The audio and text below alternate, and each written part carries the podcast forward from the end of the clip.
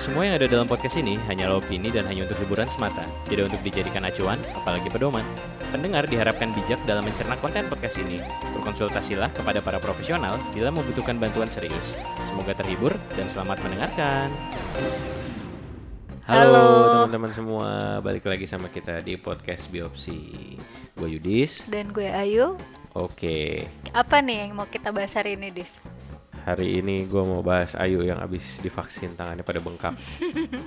Sakit tau divaksin.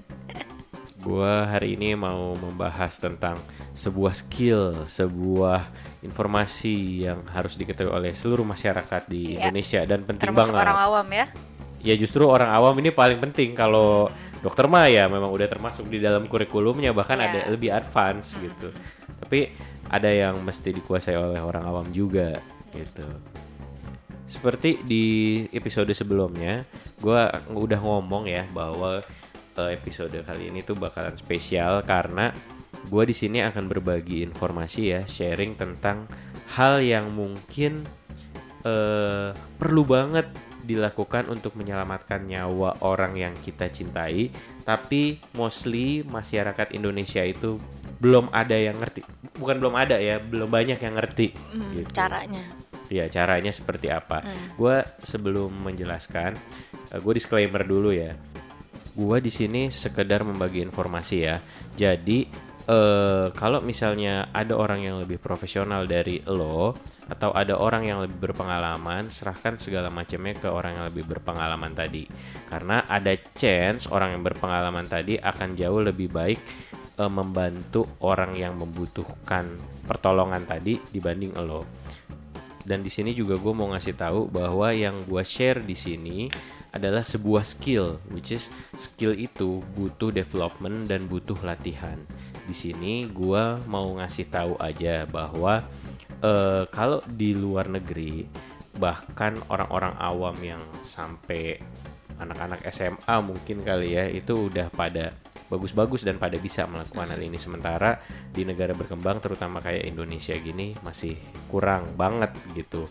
So di sini gua akan menjelaskan hopefully mudah-mudahan mudah dimengerti dari A sampai Z tentang bantuan hidup dasar dan pertolongan pertama pada orang henti jantung. Gua kasih tahu juga bahwa eh, episode ini fungsinya adalah untuk men-share informasi aja. Tetap serahkan hal-hal yang bersifat medis atau hal-hal yang istilahnya kalau ada orang yang lebih profesional kasih aja ke yang lebih profesional. Gitu. Tapi misalnya in case dalam keadaan emergency lo lagi di rumah cuma ada lo yang apa namanya yang paling bisa melakukan hal ini. Iya, lo harus membantu Iya, begitu. betul. Oke, jadi kita bahas dulu kali ya. Apa itu artinya henti jantung? Terus bedanya apa sih sama serangan jantung, Des? Oke, jadi ini adalah dua hal yang sangat berbeda ya. Eh, sering banget disalahartikan dengan, eh, oleh masyarakat bahwa henti jantung dan serangan jantung itu sama. Oke, jadi apa sih pertama henti jantung itu? Henti jantung itu adalah kondisi di mana jantung berhenti memompa darah ke seluruh tubuh atau pompa yang dihasilkan tidak adekuat memberikan darah ke seluruh tubuh. Jadi untuk bisa nih sirkulasi eh, di pembuluh darah kita bagus, jantung itu punya eh, motion ya atau gerakan memompa dengan pressure tertentu gitu dan harus konstan gitu supaya tekanan darah atau eh, pressure yang ada di pembuluh darah untuk mengalirkan darah ke seluruh tubuh itu selalu sama dan adekuat gitu untuk memberi makan ke seluruh tubuh gitu istilahnya. Nah, sementara serangan jantung itu adalah kondisi di mana pembuluh darah jantung yang memberikan oksigen ke jantung tersumbat. Atau biasanya kadang kita suka bilang namanya acute coronary syndrome atau sindroma koroner akut. Terus Des, jadi serangan jantung tuh bisa bikin henti jantung gak sih? Nah, serangan jantung itu bisa mengakibatkan henti jantung, tapi henti jantung belum tentu selalu dari serangan jantung gitu. Waduh. Berarti banyak ya yang bisa apa namanya kondisi-kondisi yang bisa bikin terjadi henti Betul. jantung gitu. Apa aja tuh Dis? Ya betul banyak. Jadi nomor satu ya tadi ya serangan jantung. Terus yang lumrah adalah ketidakseimbangan elektrolit dalam tubuh karena sesuatu, misalnya orangnya banyak muntah, ada diare begitu. Terus abis itu ada trauma pada jantung, misalnya dia kecelakaan, terus terbentur jantungnya. Terus misalnya tulang rusuknya merobek atau mengenai jantung. Gitu. Terus ada ketidakseimbangan metabolisme. Apa tuh ketidakseimbangan metabolisme? Contohnya ya, ada namanya asidosis metabolik. Asidosis itu artinya pH darah yang terlalu asam lah gitu. Jadi ketidakseimbangan pH darah ini bisa mengakibatkan ketidakseimbangan metabolisme yang nantinya bisa mengakibatkan henti jantung gitu dalam jangka waktu tertentu gitu. Terus Terus apalagi tuh Dis? ada keracunan udah pasti kayak misalnya agen toksik berat kayak contohnya sianida gitu. Wih, kopi Mirna ya. Oh iya kopi Mirna. Eh itu dulu eh nggak jadi deh. Terus apa lagi? Ada lagi? Ada lagi kayak misalnya hipoks eh bukan hipoksia, eh, kekurangan oksigen berat. Hmm, Gitu. Jadi kalau eh, lu oksigen, kadar oksigen atau konten oksigen di dalam tubuh lu itu enggak banyak atau turun banget, artinya gini. Di darah tuh ada yang namanya hemoglobin. Hemoglobin ini fungsinya untuk mengikat oksigen. Nah, sekarang jantung lu bagus, yang pompa nih ya, yang pompa bagus, eh, pembuluh darahnya lancar, nggak ada sumbatan, tapi nggak ada oksigennya. Jadi apa yang mau dibawa gitu ke jaringan? Otomatis kan termasuk jantung kan juga butuh oksigen. Jadi kalau misalnya oksigen yang dibutuhkan jantung itu berkurang ya otomatis mitokondria yang ada di sel jantung tersebut nggak bisa kerja kan karena nggak ada oksigen nggak bisa membentuk ATP. Jadi barusan gue itu menceritakan bagaimana sebuah energi terbentuk dari oksigen ya. Jadi oksigen itu penting banget buat tubuh. Nah kalau nggak ada oksigennya ke jaringan jantungnya, nggak ada energi di jaringan jantungnya ya lama-lama ya jaringan jantungnya pun dia juga akan berhenti. To mention juga jaringan-jaringan lain nggak cuma jaringan di jantung doang, itu bisa berhenti juga kalau nggak ada oksigen. Eh, terus Dis gimana nih untuk teman-teman kita yang belum ngerti ini dengan henti jantung? Cara ngebedainnya gimana sih serangan jantung sama henti jantung itu? Maksudnya secara visual kali. Iya. Eh, kalau secara visual sih sebenarnya nggak terlalu sulit ya. Gini, kalau orang serangan jantung itu biasanya nomor satu kalau dia nggak langsung henti jantung ya, biasanya pasti ada nyeri dada, ada rasa nggak enak di dada, ada rasa pegel di dada yang nggak bisa ditunjuk. Jadi kalau secara visual biasanya orangnya tuh megangin dada, biasanya di tengah justru ya bukan di sebelah kiri. Kadang ada di sebelah kiri juga, kadang di punggung banyak, tapi biasanya sih lumrahnya di tengah. Gitu terus dia merasa tertekan. Mungkin dia masih bisa komunikasi. Nah mungkin dia ada mual ada muntah ada keringet dingin begitu ya. Sementara kalau uh, orang henti jantung dia biasanya justru seperti orang kejang satu. Jadi matanya membelalak terus tahu-tahu nggak sadarkan diri atau nggak langsung jatuh aja. Hmm, gitu. Jadi biasanya kalau uh, orang henti jantung tuh langsung aja blek jatuh gitu. Atau enggak mungkin didahului mata melotot kayak orang epilepsi gitulah mata melotot terus habis itu udah nggak ada respon. Nah yang paling penting itu adalah lo yang kedua tadi harus tahu. Jadi begitu lo ner- eh, melihat orang tahu-tahu jatuh nggak ada angin nggak ada hujan lagi jalan aja terus tahu-tahu jatuh kayak pingsan gitu atau ya tadi ada mata sempat ada mata membelalak atau ada muka menyeringai langsung jatuh. Nah itu lo harus curiga kalau dia itu henti jantung gitu. Jadi Dis kalau misalnya nih gue lagi jalan nih tiba-tiba di mana kayak di mall atau di pinggir jalan terus tiba-tiba ada orang gebruk jatuh gitu terus nggak sadar itu gue langsung bisa kasih kesimpulan nih orang wah henti jantung nih gitu. Nggak. Ada kemungkinan gitu. Terus gimana cara gue bisa tahu nih kapan gue bisa eh, tanda-tanda kapan gue bisa lakukan pertolongan langsung atau BHD ini? Nah nanti akan kita bahas di Oh. tengah-tengah nanti. Oke ya udah. Kita bahas yang lain dulu kali ya. Enggak bahasnya tetap ini. Oh iya nggak maksudnya. Iya maksudnya ngebahas pendahuluan itu dulu gitu kali. Oke oke oke. Siap. Nah, jadi apa nih yang mau dibahas pertama? Siap eh, mungkin itu kali ya. Siapa aja sih kira-kira yang harus menguasai hal ini gitu ya, menguasai skill BHD ini? BHD itu by the way bantuan hidup dasar ya. Disingkat doang. Sama BLS Basic Life Support tuh sama. Intinya pertolongan pertama pada henti jantung. Oke siapa saja yang menguasai hal ini dan apakah saya kompeten?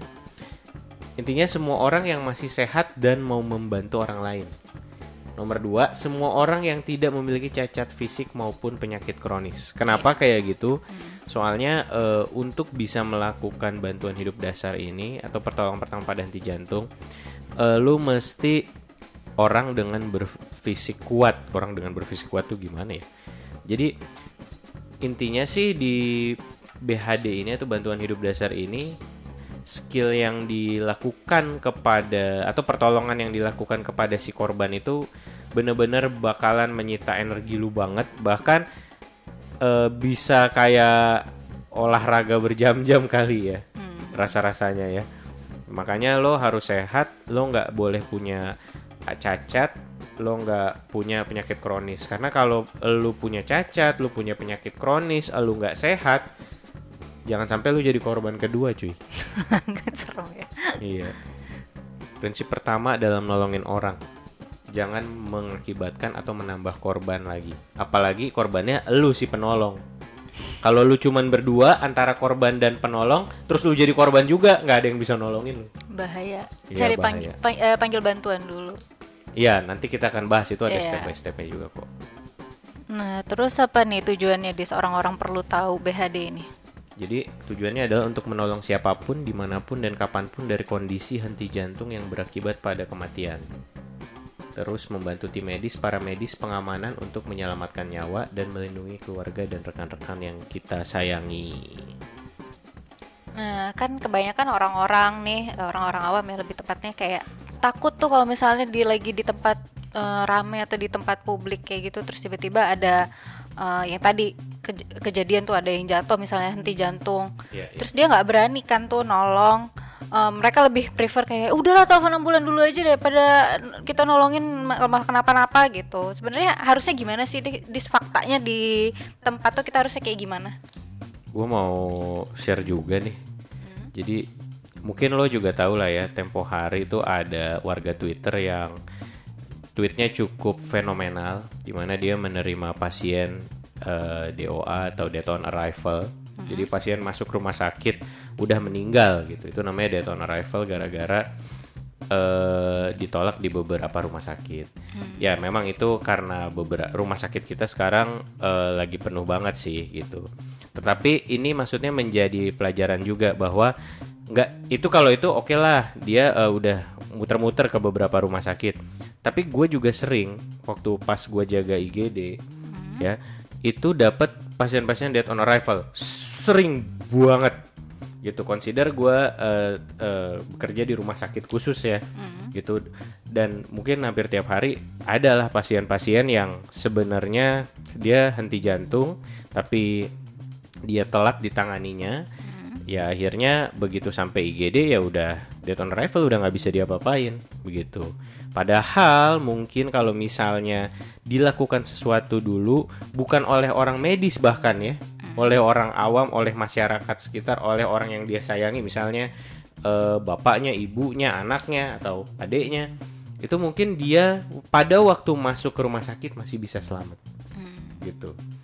Nah, jadi begini, kalau berkaitan dengan hal tersebut, eh that's why kenapa masyarakat tuh butuh banget informasi ini, informasi yang ada di episode podcast ini secara detail, itu adalah supaya nggak ada lagi kejadian kayak gitu, supaya juga nggak ada lagi kejadian death on arrival di mana sebenarnya saat orang itu butuh pertolongan dan rumah sakit jauh atau butuh beberapa menit atau beberapa jam untuk menjangkau rumah sakit, semua orang masyarakat awam bisa menolong orang tersebut sebelum sampai ke rumah sakit, gitu. Nah, eh, berkaitan dengan yang Ayu tanyain tadi, ada fakta-fakta ya. Nih, kenapa lu mesti tahu? Soalnya angka harapan hidup seseorang yang mengalami henti jantung turun hingga 10% tiap menit ya kalau nggak dilakukan pertolongan. Jadi kalau 10 menit berapa persen kemungkinan dia meninggal? Ya udah 100%. Iya, jadi kalau ada orang jatuh depan komuk lo, nggak lo apa-apain, lo eh, manggil satpam, manggil ambulan segala macam, tapi lama gitu atau enggak lo videoin dulu, lo apain dulu, 10, 10 menit metong tuh orang. Udah, heeh, Sebenarnya sih statistik eh bukan statistik, penelitiannya bilang 7% sampai 10%. 7 sampai 10%, tapi gua eh itu gua buletin aja lah jadi 10%. Jadi sekitar 10 sampai 15 menit tuh orang kalau nggak diapa-apain metong. Gitu. Terus apa lagi tuh, Des? Dalam 5 menit pertama, kalau seseorang yang henti jantung dapat kembali sadar, maka kerusakan yang terjadi pada otak dan organ lain dapat sangat minimal. Oke. Jadi gini cuy, kalau misalnya pada saat orang itu jatuh jebret terus langsung tolongin, terus 5 menit pertama orang itu sadar, nah itu kerusakan pada organ-organnya itu bisa minimal lah. Artinya enggak sampai yang dia masuk ICU berbulan-bulan terus ujung-ujungnya nanti dia juga meninggal bakalan meninggal enggak. Mungkin bahkan dia bisa sehat lagi gitu. Gue gue sering juga kok dapat pasien yang uh, kebetulan dia henti jantungnya di emergency atau di IGD gue terus gue tolongin ya masuk ICU beberapa hari keluar lagi ya sembuh lagi maksudnya itu mungkin banget gitu dilakukan. Gitu Terus kalau misalnya udah lebih dari lima menit tuh ada orang jepret jatuh tadi, terus baru bisa ketolong tuh di atas lima menit, taruhlah ya lebih dari 10 menit tadi gimana tuh? Ya, misalnya jadi eh, jantungnya berdetak lagi gitu ya, Mm-hmm. atau jantungnya selamat lah dia bisa memompa lagi ke seluruh tubuh tapi di atas lima menitan Mm. gitu ya. Ini by the way eh, penelitiannya 3 sampai 5 menit loh, jadi cepet banget cuy, Mm. beneran. Nah, gua potong rata aja ke 5 menit. Kemungkinan selamat menipis dan tapi kalau andai pun korban selamat ini kalau di atas 5 menit ya. Mhm.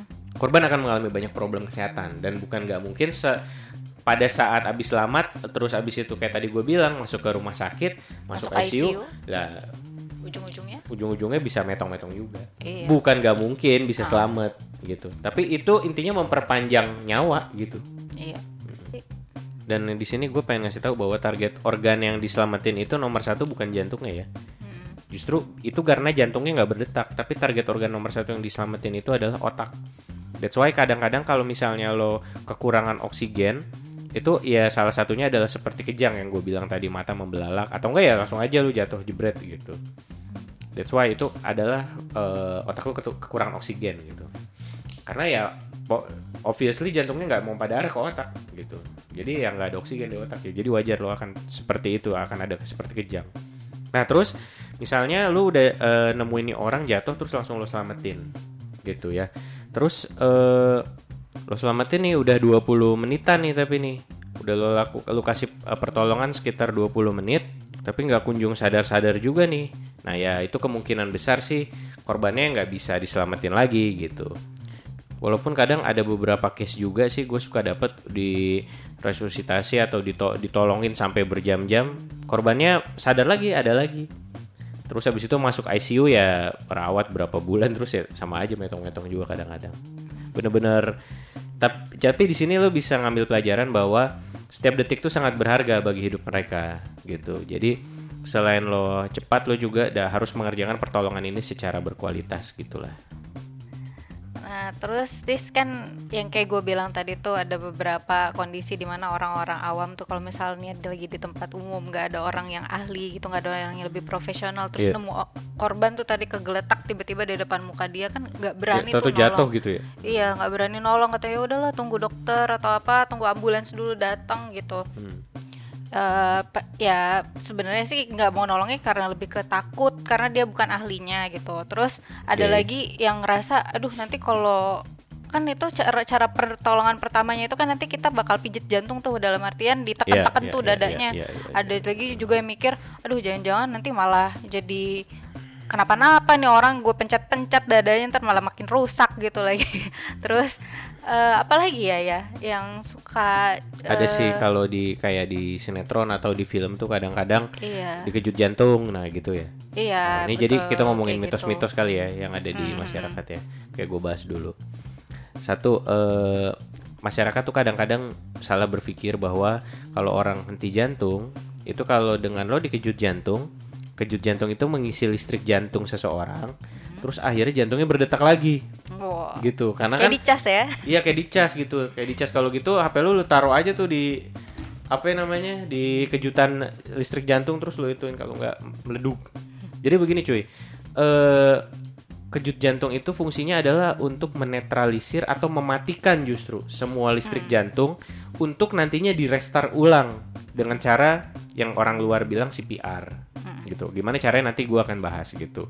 Jadi bukannya mengisi. Jadi kalau ada orang henti jantung terus lo kejut jantung, ya makin mati tuh orang. Iya, Gitu. ada kondisi-kondisi tertentu. Ya, oh ya sorry betul ada kondisi-kondisi tertentu yang kapan harus dikejut jantung, kapan harus di CPR atau di pompa jantung ya. Gua gua di sini ngomongnya pompa jantung aja kali ya. Gitu. Nanti gua akan jelasin. Intinya kejut jantung itu nggak mengisi listrik seseorang dan dengan dikejut jantung tidak berarti orangnya langsung bangun kayak di film-film. ada case yang memang harus dikejut jantung secepat mungkin. Tapi kejut jantung itu juga nggak cuma dikejut doang, tapi setelah dikejut harus dilakukan sesuatu juga untuk meriset Iya, jantungnya benar. gitu. Karena kejut jantung itu sebenarnya mematikan listrik jantung Iya. gitu. Fungsinya adalah untuk meriset sebenarnya.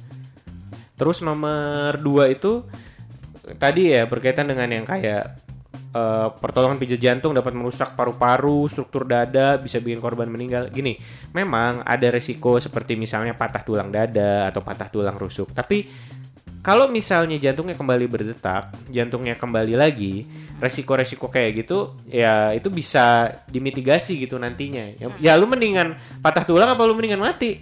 Iya. Iya gitu. Resiko itu namanya. Itu resiko, tapi Resiko tindakan. tapi bukan berarti nggak ada solusinya Iya. gitu. Nah, namanya menyelamatkan orang itu nggak ada yang benar-benar win win win win win gitu. Jadi you win something, you lose something. Iya. Better daripada you lose everything Iya. gitu maksudnya. Jadi ya lu kalau memang ngerasa bisa, ngerasa profesional, ngerasa gua bisa menolong si korban ya lakuin aja nggak apa-apa. Gitu walaupun nanti akan ada collateral damage-nya, tapi paling nggak orang itu eh, bisa ba- balik lagi gitu. Terus terus yang kayak tadi bilang katanya mendingan nunggu ambulan, mendingan nunggu orang yang lebih ahli. Cuy, satu menit itu 10% mortalitas. Hmm, Maksudnya- Balik lagi yang tadi ya. Heeh, jadi kalau lu diemin satu menit, kemungkinan orang tersebut nggak ketolong itu nambah 10%. Jadi kalau lu diemin 10 menit, ya 100% tuh orang udah pasti mati. Gitu. Terus kalau ada yang bilang ini henti jantung nggak bisa diselamatin, ya namanya udah berhenti mau diapain lagi? Salah banget cuy.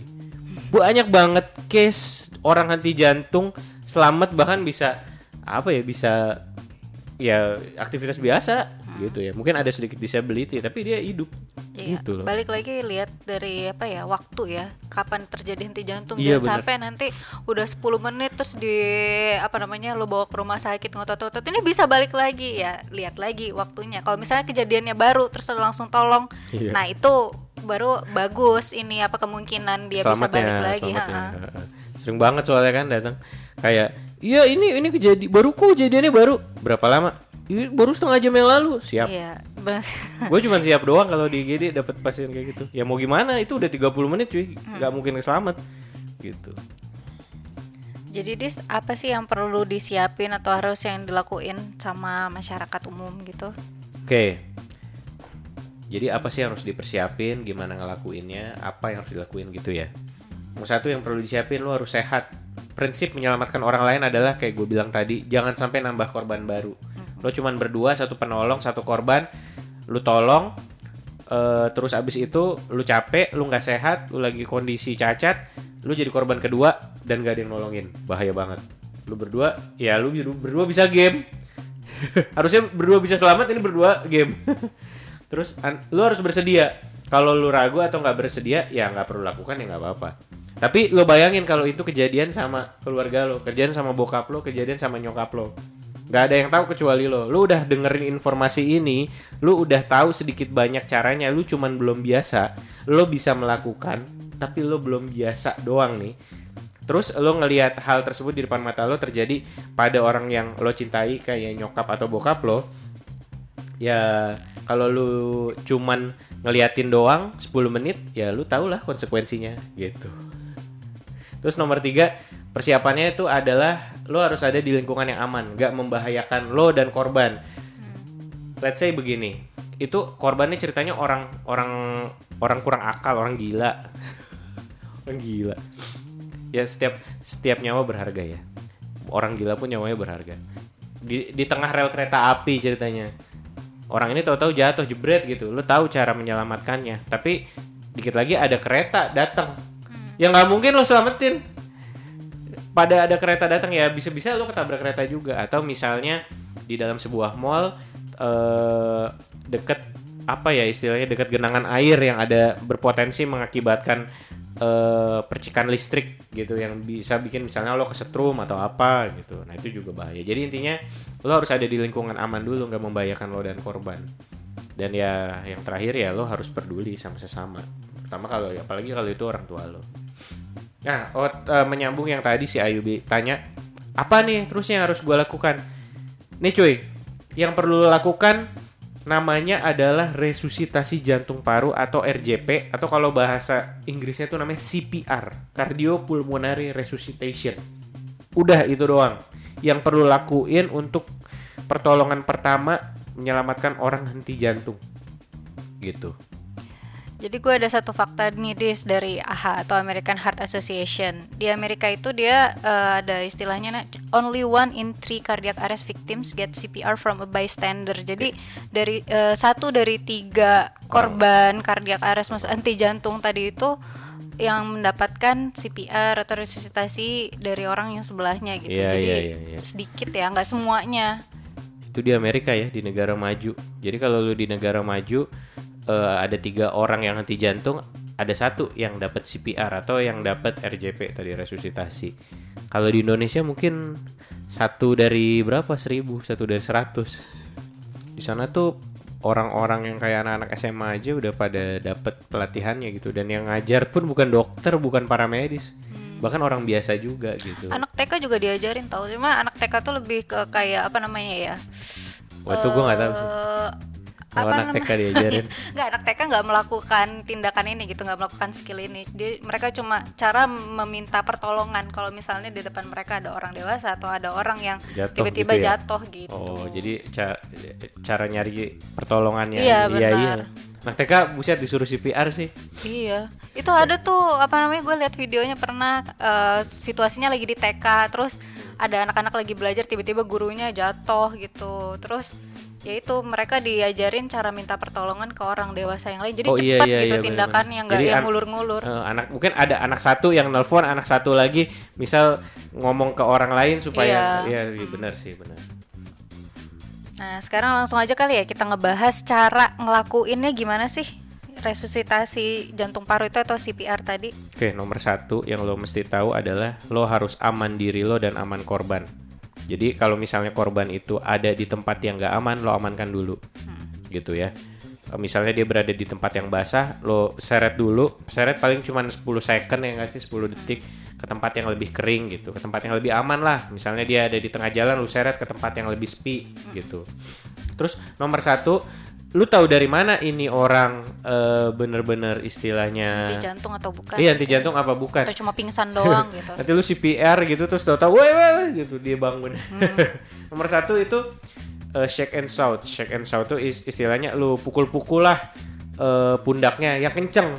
Jadi pukul literally yang kenceng pundaknya, tangannya, pokoknya lu kasih rangsangan rasa sakit sampai eh, kalau dia memang orang masih sadar, dia pasti akan menepis rangsangan rasa sakit lo. Dia pasti akan teriak aduh aduh aduh gitu segala macam gitu. Hmm. Nah, ada tambahan tapi nggak wajib lo lakuin karena kadang-kadang ada beberapa o- paramedis pun susah untuk melakukan ini. Yaitu adalah cek pulse atau cek nadi. Cek nadi di mana? Jangan di tangan. Cek nadi paling kuat itu ada di leher, tepat di lekukan rahang bawah. Ya. Oke. Jadi lo taruh aja eh, empat jari lo lah. Kalau teorinya sih tiga jari di, di bawah lekuk lengan eh lekuk rahang bawah. Lo taruh aja jari lo di situ semua. Lo lo rasain ada nggak detakan-detakan nadi di situ. Oke, yang pertama tadi kan berarti kita coba bangunin dulu orangnya pakai rangsangan apa ya nyeri gitu ya, kita Ya, pokoknya sambil kasih, kita teriakin. Nah, abis itu apa tuh dis? Ya, nomor dua udah pasti panggil bantuan ya. Hmm. Panggil bantuan tuh bukan artinya lu telepon, aduh ambulan. Ini gua ngeluarin HP terus ambulan gua telepon segala macam. Gini, kalau ada dua penolong, kalau lu pernah lihat videonya yang dari American Heart Association, begitu ada orang jatuh jebret, eh, si penolongnya itu langsung ngambil HP, dia loudspeaker, dia call 911, dia langsung CPR. Terus begitu si orang 911-nya eh, ngejawab, "Hello, what's your emergency?" Dia tuh sambil CPR, sambil CPR sambil ngomong di loudspeaker gitu. Itu kalau lu cuma dua penolong. Tapi kalau misalnya lu ada di tempat umum, itu lebih gampang lagi. Lu teriak sekencang-kencangnya, "Tolong, tolong, tolong!" panggilin satpam, panggilin orang yang lebih berpengalaman, teleponin ambulan. Lo langsung melakukan CPR gitu. Jadi Gak biarin ada delay terlalu Iya, lama ya? Bener, nggak ada delay. Itu kayak cuman berapa 5 second, 10 second lah paling Hmm. lama gitu. Bahkan lo bisa manggil pertolongan sambil CPR, sambil teriak-teriak Hmm. gitu. Oke, abis itu apa lagi dis? Ya habis itu langsung lo CPR aja pasiennya atau Hmm. orangnya gitu. Dari tadi kan kita ngomongin CPR CPR terus tuh, gimana tuh caranya dis?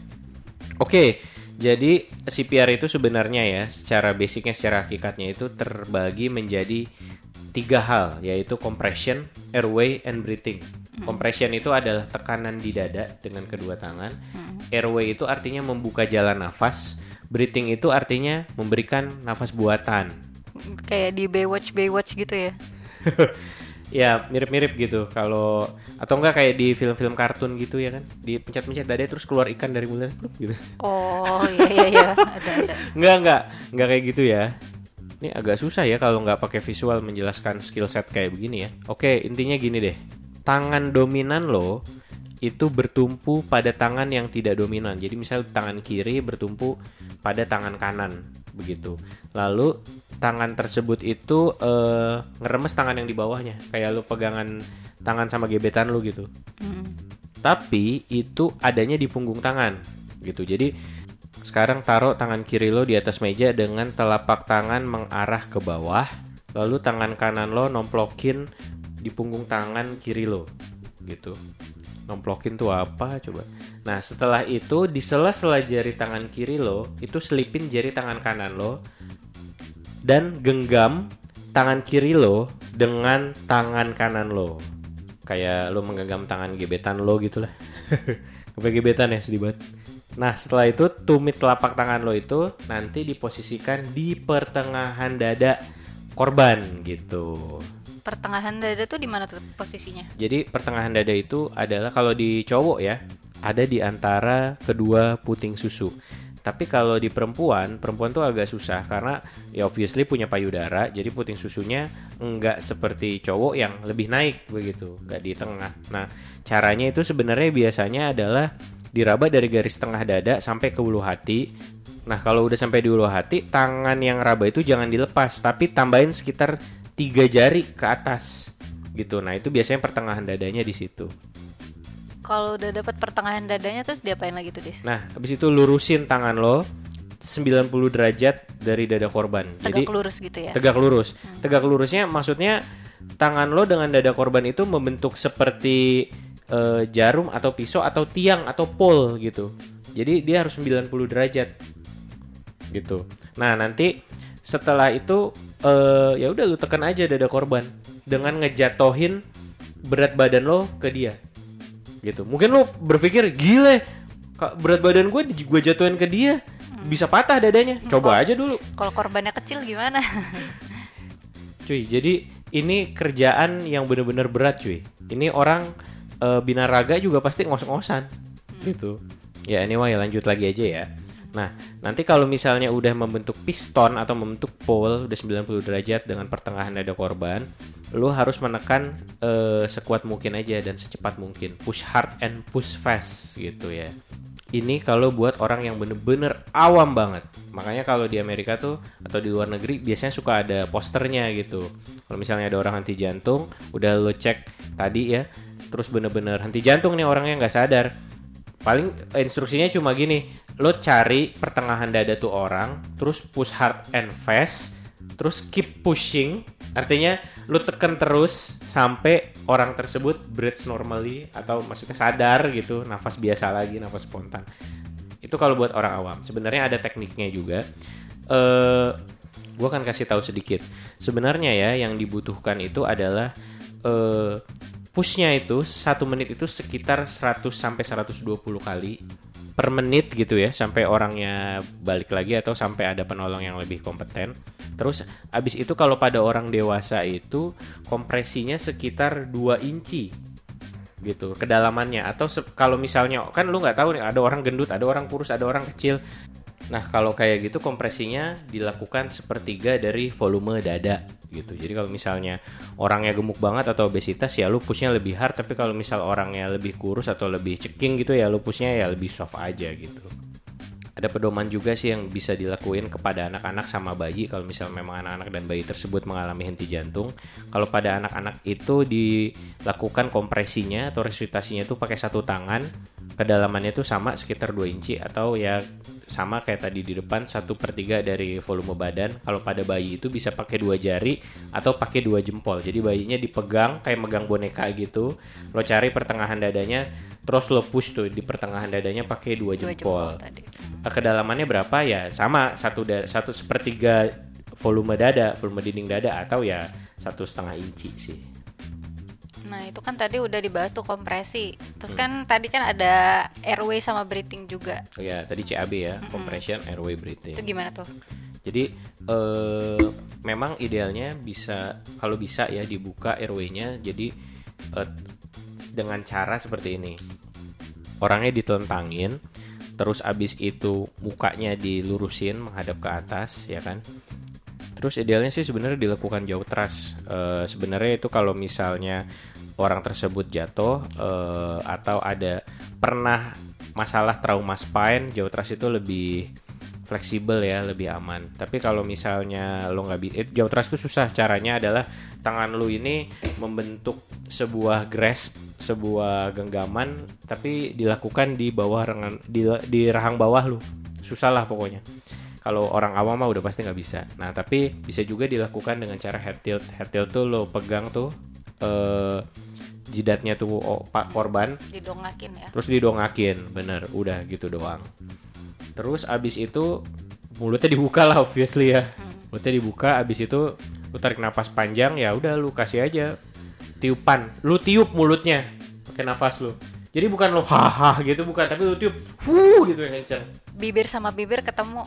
Ya bibir rapat biar eh, apa namanya udara yang masuk juga banyak ya gitu. bibir sama bibir ketemu membentuk sebuah seal. Terus lu tiup bukan lo haha ya bukan kayak orang lagi Mau ngelap kacamata ya. mau ngelap kacamata ya atau mau ngeluarin apa tuh eh, kelomang gitu haha gitu bukan ya. Tapi lu tiup fuh gitu yang kenceng. Nah Tapi gue ngeri juga ya kalau misalnya harus apa ya mau to mouth resuscitation, maksudnya bibir ketemu bibir sama orang yang gak gue kenal. Dan orang punya sakit apa, apalagi sekarang kan lagi covid juga nih, itu gimana?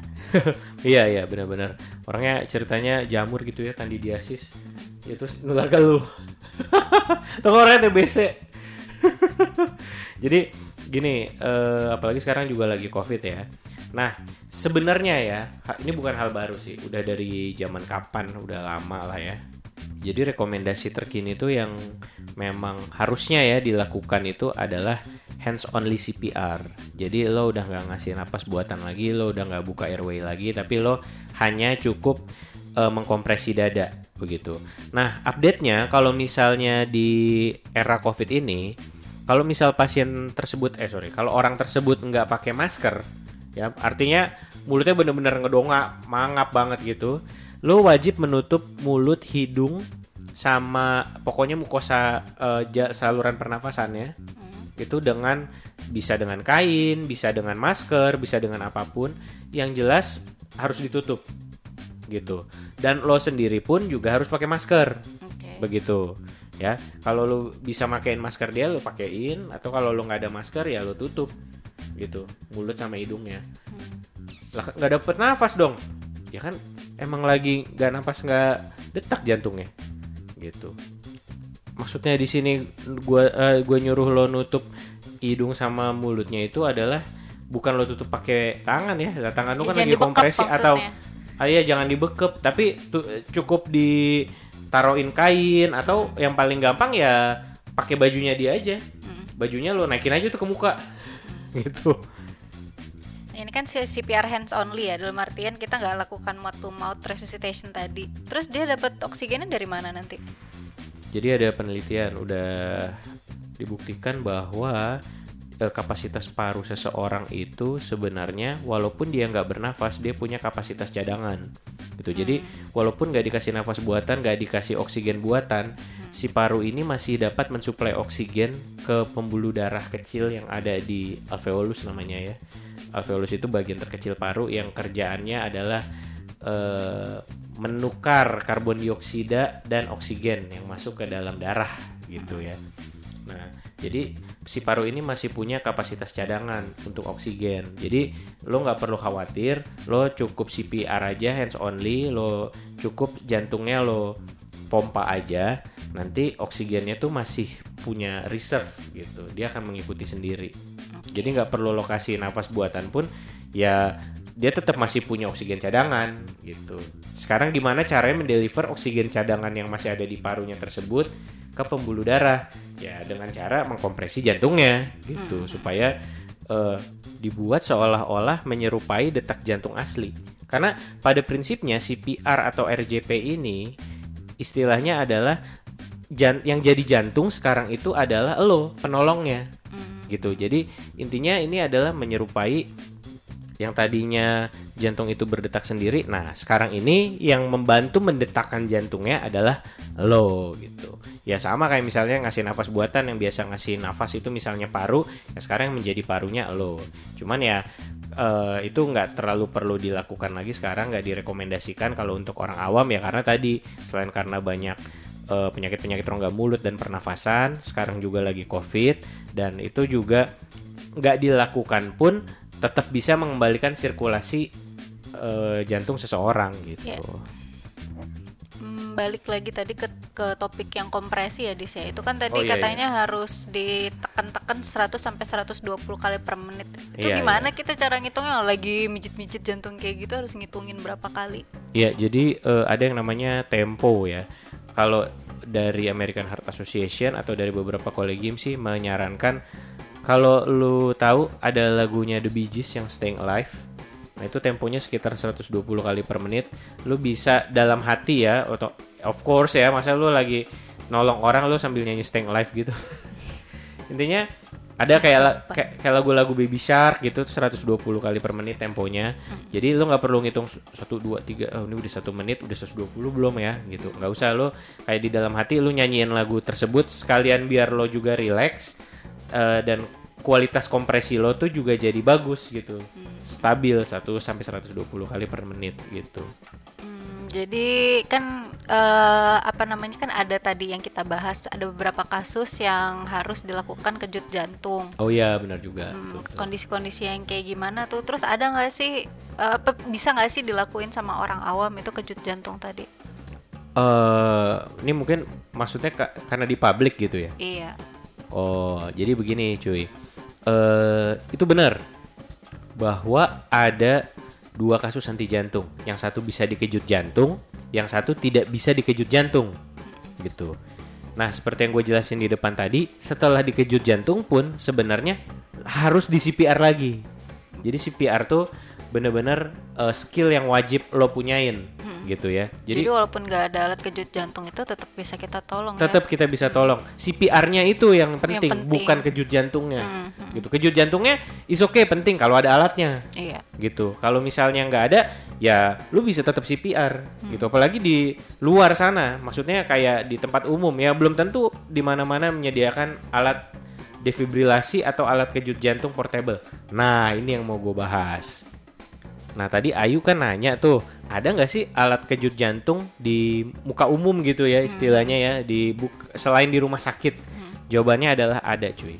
Namanya AED (Automated External Defibrillator) atau alat kejut jantung eksternal pakai baterai cuy. Ini.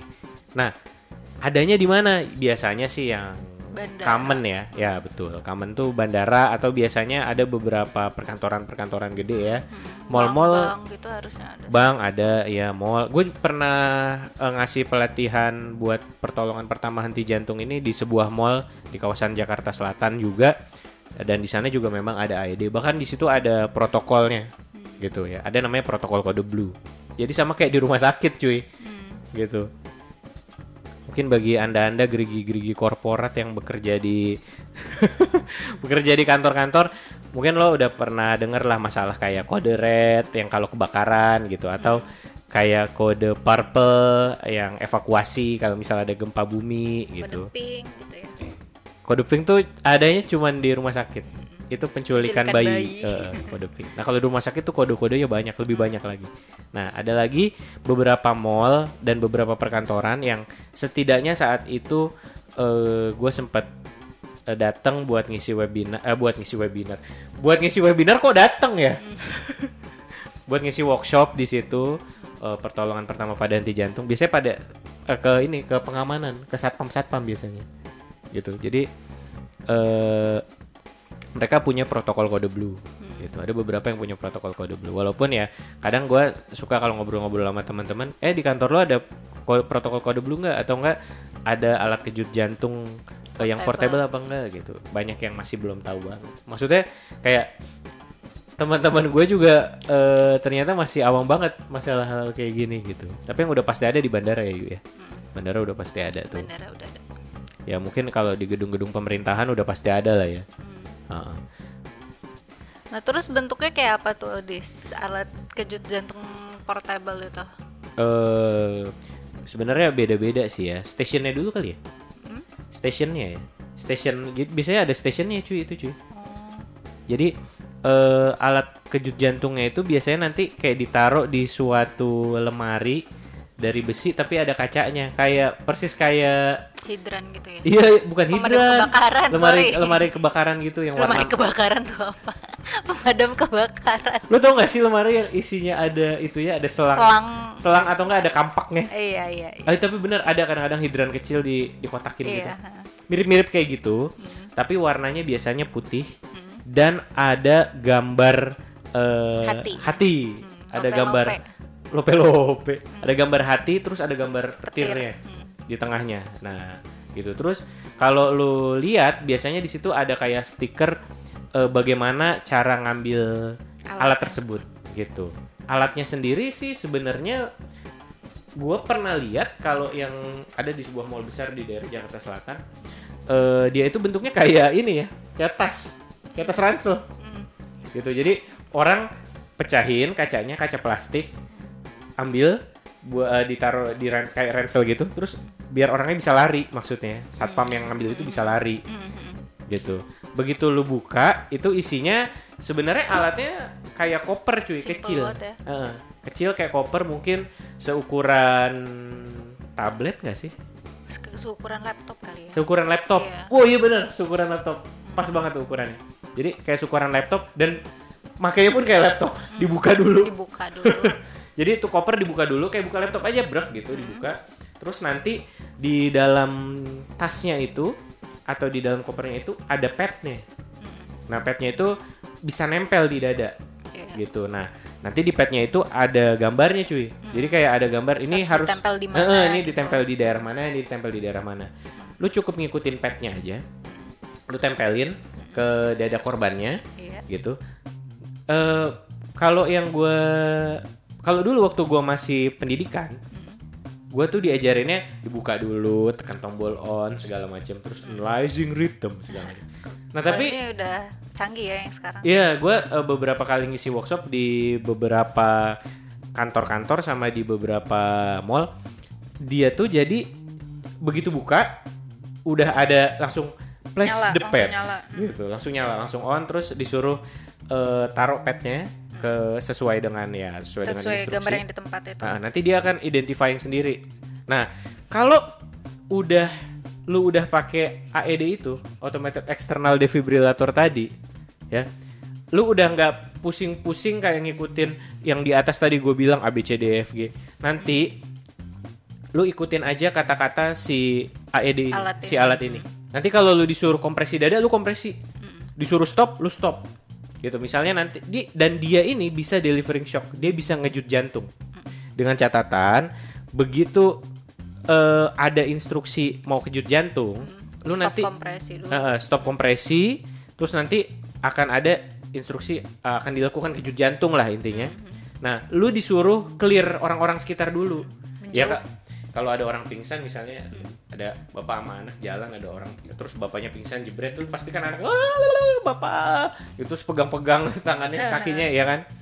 Itu lo harus clear mbak mbak mas mas itu jangan dipegang gitu. Karena akan dilakukan kejut jantung. Nah nanti ada tombol shock. Ada tombol shock atau enggak ada gambar petir gitu biasanya. Nah nanti press shock. Kalau kata eh, alatnya. alatnya bilang press shock lu klik tuh tombol shock nanti akan ter, akan ter- apa akan terjadi kejut jantung sama kayak mesin kejut jantung yang ada di IGD Rumah sakit. di rumah sakit. Nah abis kejut jantung lu dengerin lagi tuh alat. Suruh ngapain? Nah kalau biasanya suruh langsung CPR lagi sih. Iya Biasanya benar. press shock jeder shock delivered do CPR ya udah lu CPR lagi. Sampai sampai kapan do CPR nya? Sampai alatnya bilang stop. Iya. Biasanya dua menit sih. Dua menit terus habis itu ya stop CPR terus analyzing rhythm. Nah nanti kalau misalnya orangnya bangun lagi maksudnya kembali sirkulasinya ya udah berarti berhasil lo. Berhasil. Lo berhasil menyelamatkan orang ya udah lo tinggal tunggu ambulan aja untuk datang ngejemput tuh orang gitu. Tapi kalau misalnya lu suruh CPR lagi atau suruh shock lagi ya lu ikutin aja tuh alat. Enak banget cuy. Pakai alat kayak gini zaman sekarang lu sebagai orang awam yang gak ngerti bantuan hidup dasar aja lu bisa pakai alat ini gitu Oke, gue rangkum sedikit ya tadi apa yang kita omongin. Jadi eh, materi hari ini kan tentang bantuan hidup dasar ya atau pertolongan pertama pada orang atau korban eh, henti jantung. Yang harus kita lakukan memang pertama tadi eh, apa ya amankan dulu sekitar kita ya amankan kita sama korban jangan sampai di tengah jalan kita Iya, soal mau betul. jadi pahlawan terus malah kita yang celaka itu Oke. pertama mandiri aman korban betul Iya, terus pastikan kita beneran mau nolong nih, jangan setengah-setengah. Iya, wajar wah, Iya. wajib itu lu Iya. harus harus menolong gitu Hmm. Terus habis itu eh, waktu itu penting banget buat korban. Jadi Betul, itu no penting. delay. Kalau kalau bisa minimalisir delay. Terus setiap detik berharga ya, Betul. terus kita juga harus apa namanya? minta bantuan juga ke sekitar kita karena kita nggak bisa nolong sendirian gitu. Betul, minta bantuan. eh, jadi minta bantuan tuh, I mean eh, selain lo ada yang ngebantuin CPR, ya ada juga orang yang nelfonin ambulan. Jangan Iya, semua maunya benar. lo gitu. Heeh. Ya kalau lo cuman berdua ya kayak yang gue bilang tadi, lo eh, makanya ini penting banget lo nge-save satu nomor ambulans yang profesional, satu save aja. Minimal ini ya, Dinkes ya, punya Dinkes Iya 119. minimal minimal Kalau tinggal di Jakarta eh, berapa yuk? 119. Oh kalau di Jakarta 119 Kalau di luar negeri 911, kalau kita 119 itu ambulan Dinkes. Jakarta tapi ya Jakarta. khusus Jakarta ya gue sendiri eh, kerja eh gue sendiri tinggal di Depok di Bogor di Depok itu nggak ada soalnya gitu jadi ya lu save lah satu mobil ambulan yang kredibel gitu yang legit Iya. gitulah istilahnya terus terus gimana yuk Terus habis itu prinsipnya tadi kan kita harus aman, korban aman, kita bisa nolong. Mm-mm. Terus eh, minta eh, pastikan kalau itu beneran pasien eh, korban henti jantung gitu kan. Ya, tadi yang tadi kita ya. harus kasih rangsang nyeri aja lu Iya, tepuk-tepuk yang kencang nyeri. Kalau misalnya dia segala udah nggak bangun, berarti kita kasih kesimpulan dia henti jantung. Nah, mulai tadi eh, apa namanya minta bantuan sambil kita lakukan resusitasi. Iya, bantu. CPR lo CPR. lo lakukan CPR. Nah kalau lo orang awam lo nggak perlu kasih nafas buatan. Iya. Gitu. Apalagi lagi covid gini, jangan lupa lo pakai masker. Orang yang lo tolong juga harus dimaskerin atau enggak kalau nggak ada masker ya lo tutupin aja mukosa mulut atau enggak saluran pernapasannya dengan kain atau dengan apa. Paling gampang dengan bajunya. Iya. Selalu panggil bantuan kalau misalnya ada satpam atau ada apa dia bisa bawa AED atau automated external defibrillator, ya udah lo pasang. Terus lo tolongin lah sampai bantuan datang pokoknya. Iya. Gitu. Jadi Dis, ada, lo ada nggak beberapa patah kata atau pesan-pesan yang bisa me, apa ya mengencourage atau apa sih namanya mendorong orang-orang. Iya, untuk iya. menyelamatkan korban-korban yang biar biar ini? biar orang nggak takut ya biar orang Iya. biar orang tuh termotivasi karena orang biasanya butuhnya motivasi sih buat ngelakuin hal ini karena mereka biasanya takut Iya. disalahin atau takut apa padahal mereka bisa melakukan perubahan atau bisa melakukan tindakan yang sebenarnya menolong banget buat orang tersebut daripada nggak dilakukan apa-apa gitu kali ya. Oke, apaan ya? Hmm. Gini cuy, saat seseorang mengalami henti jantung ya, yang dapat nyelamatin nyawanya tuh bukan dokter atau tim medis terbaik cuy. Bukan profesor terjago terpinter di dunia cuy. Tapi orang yang paling dekat literally ya, jaraknya dengan korban. Dan gak jarang itu adalah anggota keluarga korban sendiri. Kalau lu adalah anak dari seorang ayah, ada seorang ibu, gak jarang yang bisa melakukan pertolongan pertama dan yang paling penting itu adalah justru diri lu cuy. Bukan dokter di mana, bukan dok, bukan profesor di mana, bukan cuy. Gak peduli sekaya apa pun lo, sepintar apa pun lo, bukan bukan dokter atau profesor yang paling jago cuy yang bisa nyelamatin orang tua lu tadi misalnya. Tapi diri lu. Nah, gini, lu bisa nolong orang lain dan orang yang lu sayangi atau lu bisa diem aja. Jadi ada dua pilihan. Jadi lu bisa nolong orang atau lu bisa diem aja dan membiarkan orang tadi atau korban tadi meninggal di depan mata lu. Gitu. Padahal lu udah tahu informasi ini. atau lu udah dengerin podcast kita lu hanya nggak terlatih ya seperti orang awam lainnya semua orang awam nggak ada yang terlatih yang terlatih ya dokter masa lo ngarep ada dokter di samping lo terus iya kan? Jumlah dokter di Indonesia dikit loh lebih dikit daripada negara maju. Jadi lo juga harus bisa jadi penolong buat orang-orang yang lo sayangin gitu.